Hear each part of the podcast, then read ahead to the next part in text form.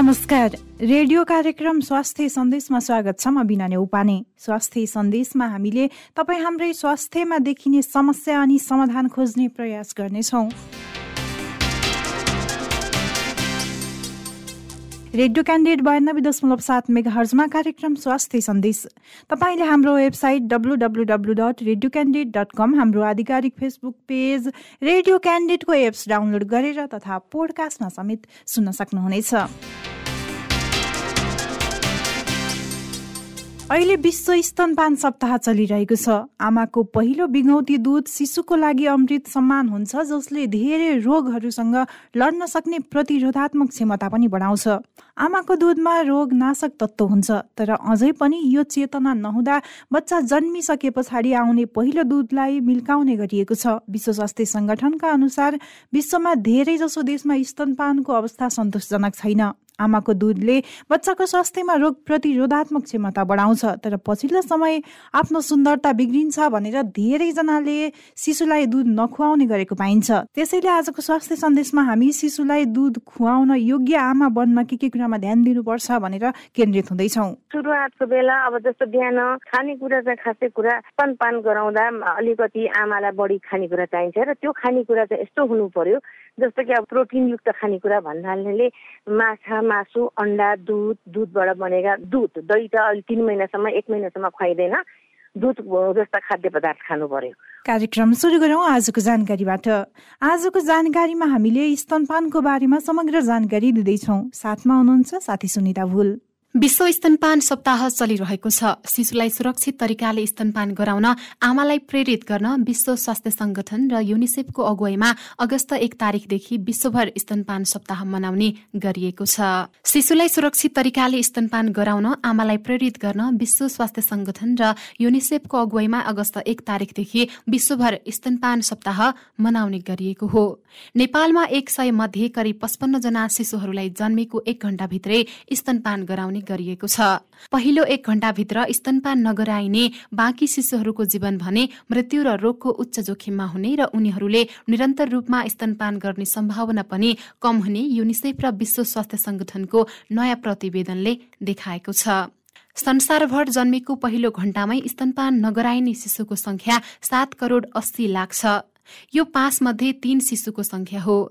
यीमध्ये धेरै शिशुहरू निम्न र मध्यम आय भएका देशहरूका छन्।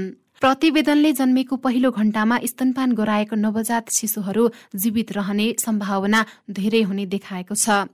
केही घण्टा मात्र ढिलो स्तनपान गराउनाले पनि जीवन जोखिममा पर्न सक्छ। आमा र शिशु बीचको प्रत्यक्ष स्पर्श र स्तनपानले आमाको दुध र बिगौती दुध उत्पादनमा सहयोग पुग्दछ। बिगौती दुध एकदमै पोसिलो हुने तथा शरीरको प्रतिरक्षा प्रणालीका लागि शक्तिशाली हुने भएकाले यसलाई शिशुको पहिलो खोपको रूपमा लिइन्छ। शिशु जन्मेको पहिलो एक घण्टामा स्तनपान गराउने दर पूर्वी तथा दक्षिणी अफ्रिकामा सबैभन्दा धेरै पैसठी प्रतिशत र पूर्वी एसिया तथा प्रशान्त क्षेत्रमा सबैभन्दा कम बत्तीस प्रतिशत भएको प्रतिवेदनमा उल्लेख छ। बुरुण्डी श्रीलङ्का र भेनुआतुमा दसजना शिशुमा नौजनाले पहिलो एक घण्टाभित्र स्तनपान गर्न पाउँछन् भने अजरबैजान चाड र मोन्टिनिग्रोमा जन्मिने दसजना शिशुमा दुईजनाले मात्र पहिलो एक घण्टाभित्र स्तनपान गर्न पाउँछन्। क्याप्चर दि मोमेन्ट नामको प्रतिवेदनले छयत्तरवटा देशहरूको तथ्याङ्क विश्लेषण गरेको छ। जन्मेको एक घण्टाभित्रै स्तनपान गराउने कुरा महत्वपूर्ण भए पनि धेरै नवजात शिशुहरू विभिन्न कारणले गर्दा स्तनपानको लागि लामो समय प्रतीक्षा गर्न बाध्य छन्। सी सेक्सन शल्यक्रियाबाट बच्चा जन्माउने छनौट नेपालमा सन् दुई हजार एघारदेखि दुई हजार सोह्रसम्म पाँच वर्षको अवधिमा शल्यक्रियाबाट बच्चा जन्माउने दर झण्डै दुई गुणा भएको छ र यो चार दशमलव छ प्रतिशतबाट प्रतिशतबाट नौ प्रतिशतमा पुगेको छ। सी सेक्सनबाट जन्मिएका शिशुहरूमध्ये एक तिहाईभन्दा कम शिशुहरूलाई मात्रै जन्मिएको एक घण्टाभित्र स्तनपान गराइएको थियो। सामान्य प्रसुतिबाट जन्मिएका शिशुमा यो संख्या करिब दुई तिहाई छ। अहिले स्तनपान सप्ताह चलिरहेको छ। स्तनपानको बारेमा नै समग्र जानकारी दिँदै हुनुहुन्थ्यो साथी सुनिता भुल। रेडियो क्यान्डिडेट बयानब्बे दशमलव सात मेगा हर्जमा कार्यक्रम स्वास्थ्य सन्देश। तपाईँले हाम्रो website W W W dot radio candidate dot com हाम्रो आधिकारिक फेसबुक पेज रेडियो क्यान्डिडेटको एप्स डाउनलोड गरेर तथा पोडकास्टमा समेत सुन्न सक्नुहुनेछ। स्तनपान सप्ताह चलिरहेको बेलामा हिजो स्वास्थ्य तथा जनसङ्ख्या मन्त्री भवानी प्रसाद खापुङले प्रसुति गृह थापाथलीमा बेबी मिल्क बैङ्कको उद्घाटन पनि गरिसक्नु भएको छ जसले गर्दा आगामी दिनमा स्तनपान गराउनेको सङ्ख्या बढ्छ कि भन्ने अनुमान पनि गर्न सकिन्छ। आमाको दुधमा रोगनाशक तत्त्व त हुन्छ तर अझै पनि चेतना नहुँदा जन्मे पछाडि आउने पहिलो दुध खुवाउने गरेको पाइँदैन। विश्व स्वास्थ्य सङ्गठनको तथ्याङ्क अनुसार पनि यो अवस्था देखाइरहेको छ। आजको स्वास्थ्य सन्देशमा हामी स्तनपान गराउनको लागि गर्भधारणको समयबाट नै कस्तो खाना कसरी खानुपर्छ भनेर कुराकानी गर्दैछौँ।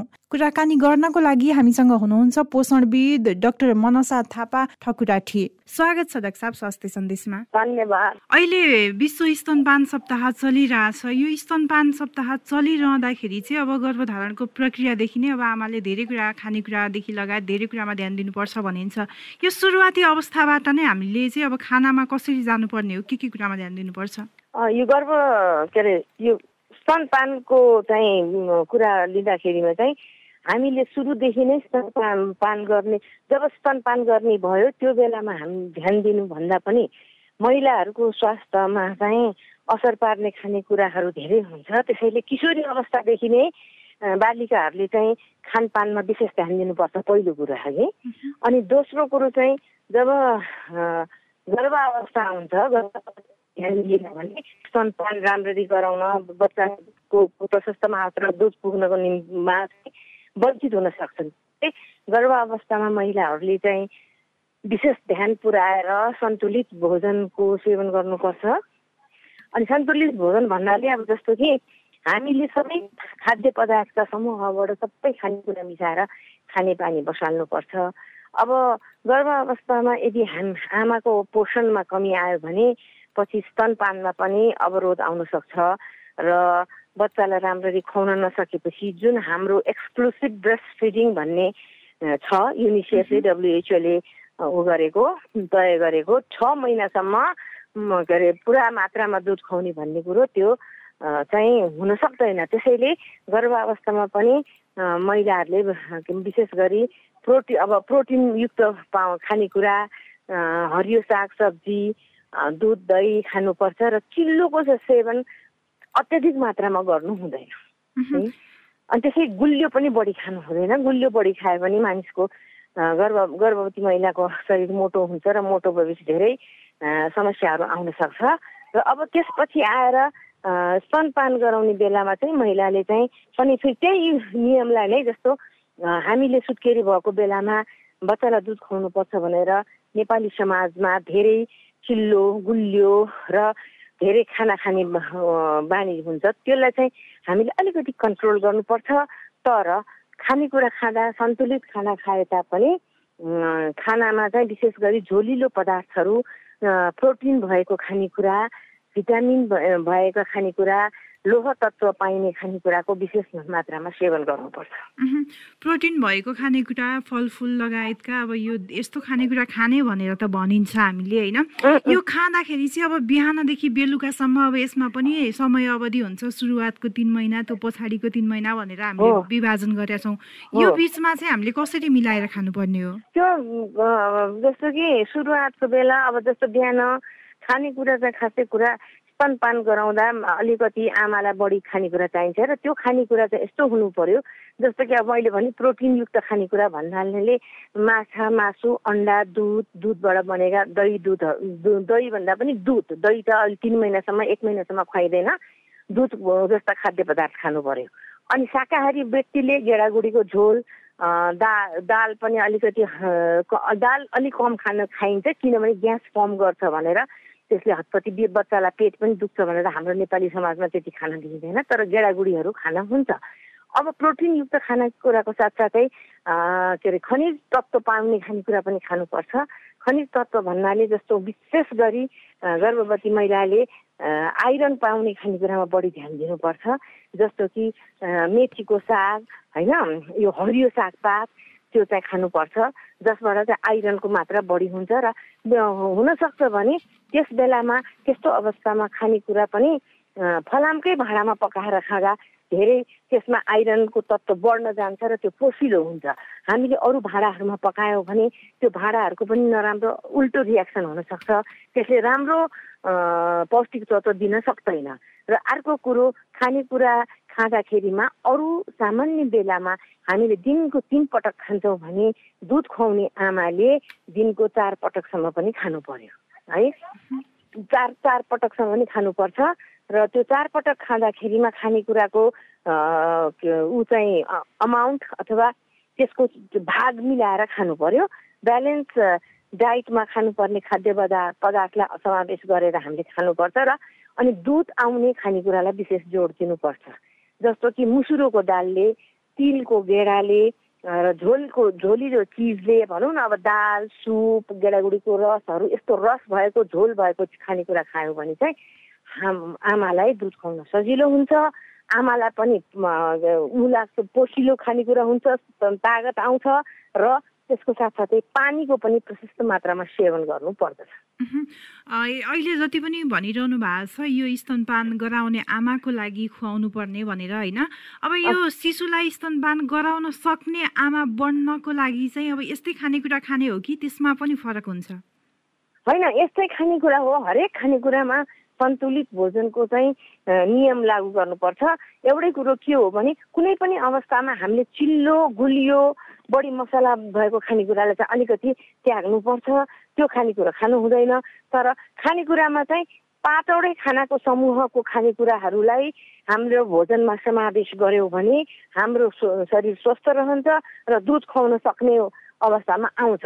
दुध खुवाउन सक्ने अवस्था भनेको कस्तो हो भने त्यो आमाले दुध उत्पादन गर्न रसिलो झोल भएको चिजहरू खानुपर्छ। झोल भएको रसिलो झोल भएको खानेकुराहरू खानुपर्छ। धेरैजनाले भन्नुहुन्छ अब यो स्तनपान गराउन सक्ने बन्दाखेरि र स्तनपान गराइरहँदाखेरि अब यस्तो खालको खानेकुरा खानुपर्छ भनेर। अब यो खानेकुरा खुवाउने कुरामा जाउँ यो घर परिवारको भूमिका भनौँ अथवा सपोर्ट चाहिँ कस्तो हुनुपर्छ?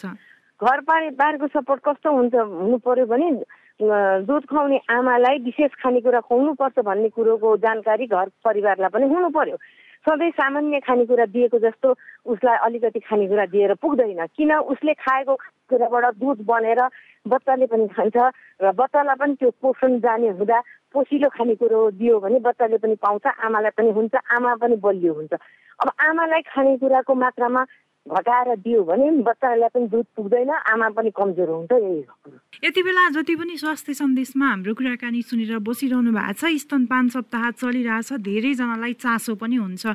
यो स्तनपान गराउने आमाहरूलाई भनौँ अब यस्तो जुन खानेकुराहरू भनिरहनु भएको छ यो खानेकुरा खुवाउँदा खुवाउँदै पनि कतिपय अवस्थामा दुध नआउने स्तनपान गराउन नसक्ने अवस्था पनि हुने रहेछ क्या?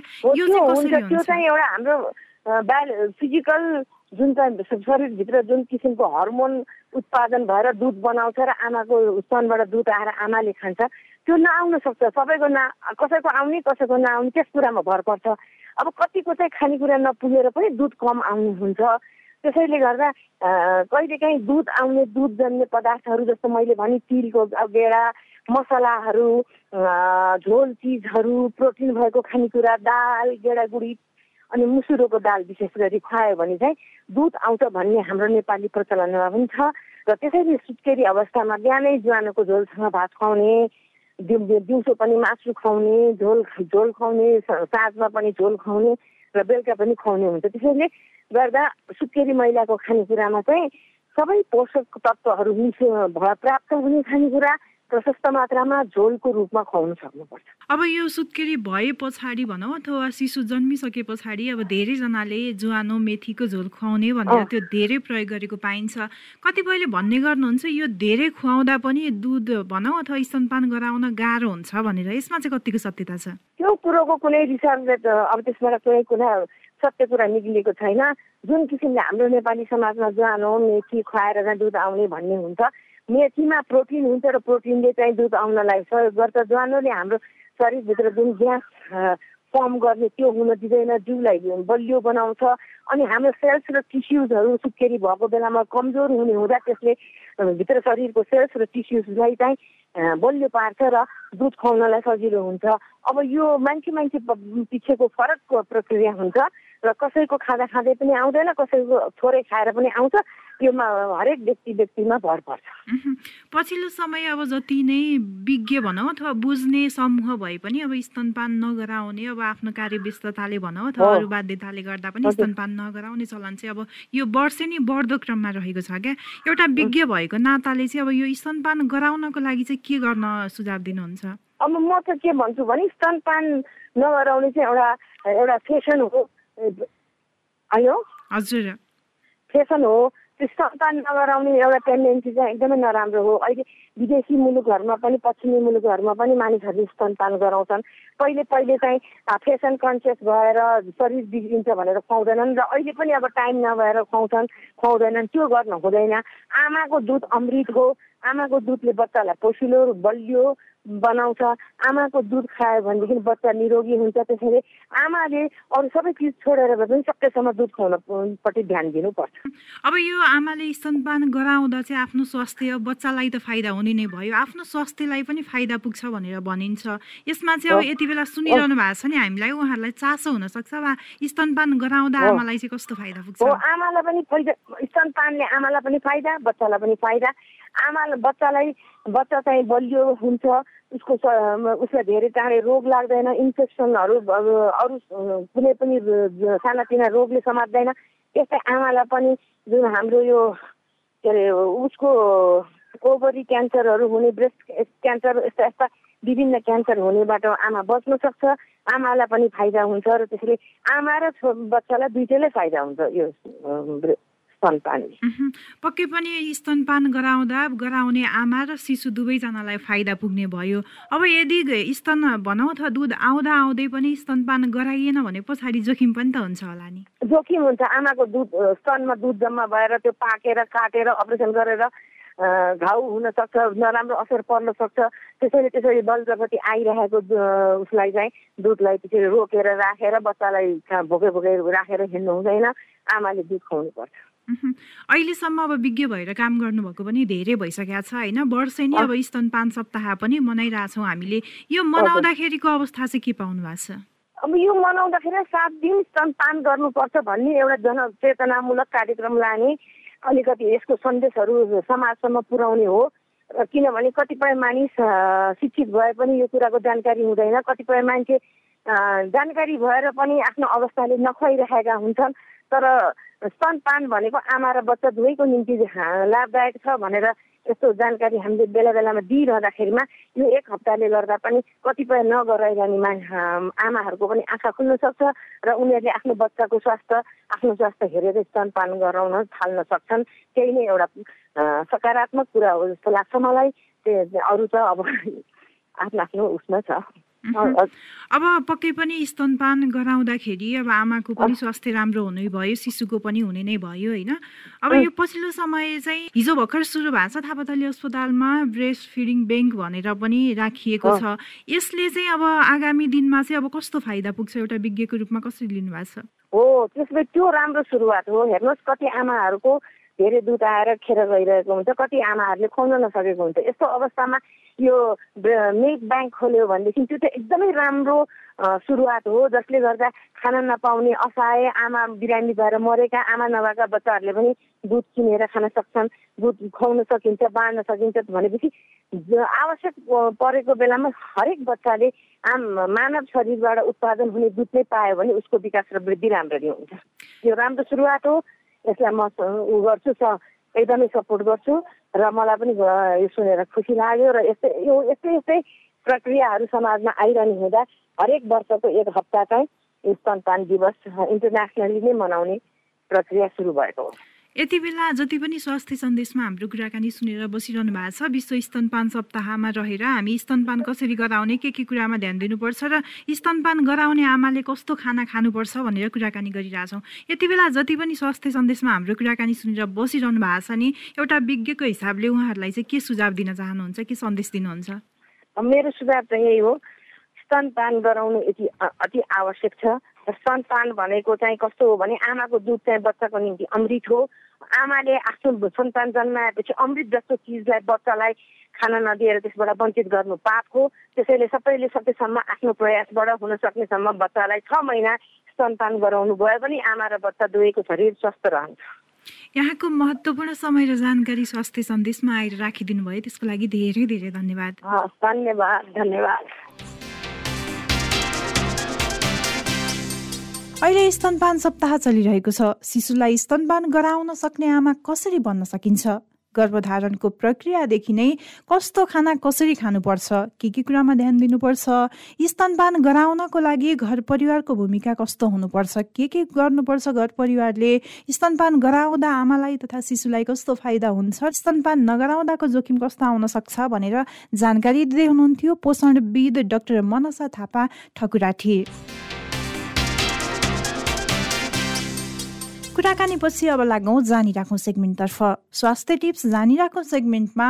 विश्व स्तनपान सप्ताह मनाइरहँदा शिशुलाई नियमित स्तनपान गराउँदा हुने फाइदा यसको महत्त्वको बारेमा विभिन्न सरकारवालाबाट सचेतनाको काम पनि भइरहेको छ। आमाको दुध बच्चालाई अमृत सम्मान हुन्छ भन्ने पनि प्रमाणित भइसकेको छ। त्यसैले सही तरिकाले स्तनपान गराउने टिप्स दिँदैछौँ। साथमा हुनुहुन्छ साथी पूजा जोशी। सकेसम्म आमाले निहुरिएर स्तनपान गराउनु हुँदैन। यसरी स्तनपान गराउँदा बच्चाको कानमा दुध पस्ने सम्भावना हुन्छ। आमाले सुतेर पनि स्तनपान गराउनु हुन्न। सुतेर स्तनपान गराउँदा आमाको स्तनले नाक थुनिएर सास फेर्न गाह्रो भई बच्चाको मृत्यु समेत हुन सक्छ। दुध खाइसकेपछि बच्चालाई माथि उठाएर डकार गराउनु पर्छ। बच्चाले दुधसँगै हावा पनि तान्ने भएकाले डकार्दा हावा बाहिर फालिन्छ अनि खाएको दुध स्वच्छ भई बान्ता हुनबाट पनि रोकिन्छ। राति सुतेको बेला कतिपय आमा बच्चाको मुखमा स्तनको निप्पल राखिदिने र निदाउँछन्। लामो समयसम्म बच्चाको मुखले निप्पल भिजिरहेमा आमाको स्तनमा संक्रमण हुन सक्छ। त्यसैले बच्चाले चुसिसकेपछि निप्पल बाहिर निकाल्नुपर्छ। स्तन वरपर घाउ खटिरा आएमा सोही स्तन निचरेर दुध लगाएमा औषधिको काम गर्छ। बच्चाले दुध चुस्न नसके स्तन निचोड्नुपर्छ नत्र त्यही दुध गानिएर पाक्ने सम्भावना हुन्छ। समय नपुगी जन्मेको बच्चालाई धेरै समय गानिएर बसेको आमाको दुध खुवाउनु हुँदैन। उक्त दुध निकै बाक्लो हुने भएकाले एकैपटक बच्चाले पचाउन सक्दैन। सुरुको दुध फालेर मात्रै खुवाउनु पर्छ आमाले बच्चालाई दुध खुवाउनका लागि आमामा आत्मविश्वास हुन आवश्यक छ। म मेरो बच्चालाई दुध खुवाउन सक्छु मेरो दुध मेरो बच्चाका लागि पर्याप्त छ भन्ने विषयमा आमामा आत्मविश्वास हुनुपर्छ। सकेसम्म बोतलको दुध बच्चालाई खुवाउनु हुँदैन। खुवाउनै पर्ने बाध्यता भए चम्चा मार्फत खुवाउने किनकि बोतलको सरसफाइ नपुगेमा बच्चालाई संक्रमण भई विभिन्न रोग लाग्न सक्छ। बच्चालाई स्तनपान गराउनका लागि परिवारले पनि सहयोग गर्नुपर्छ।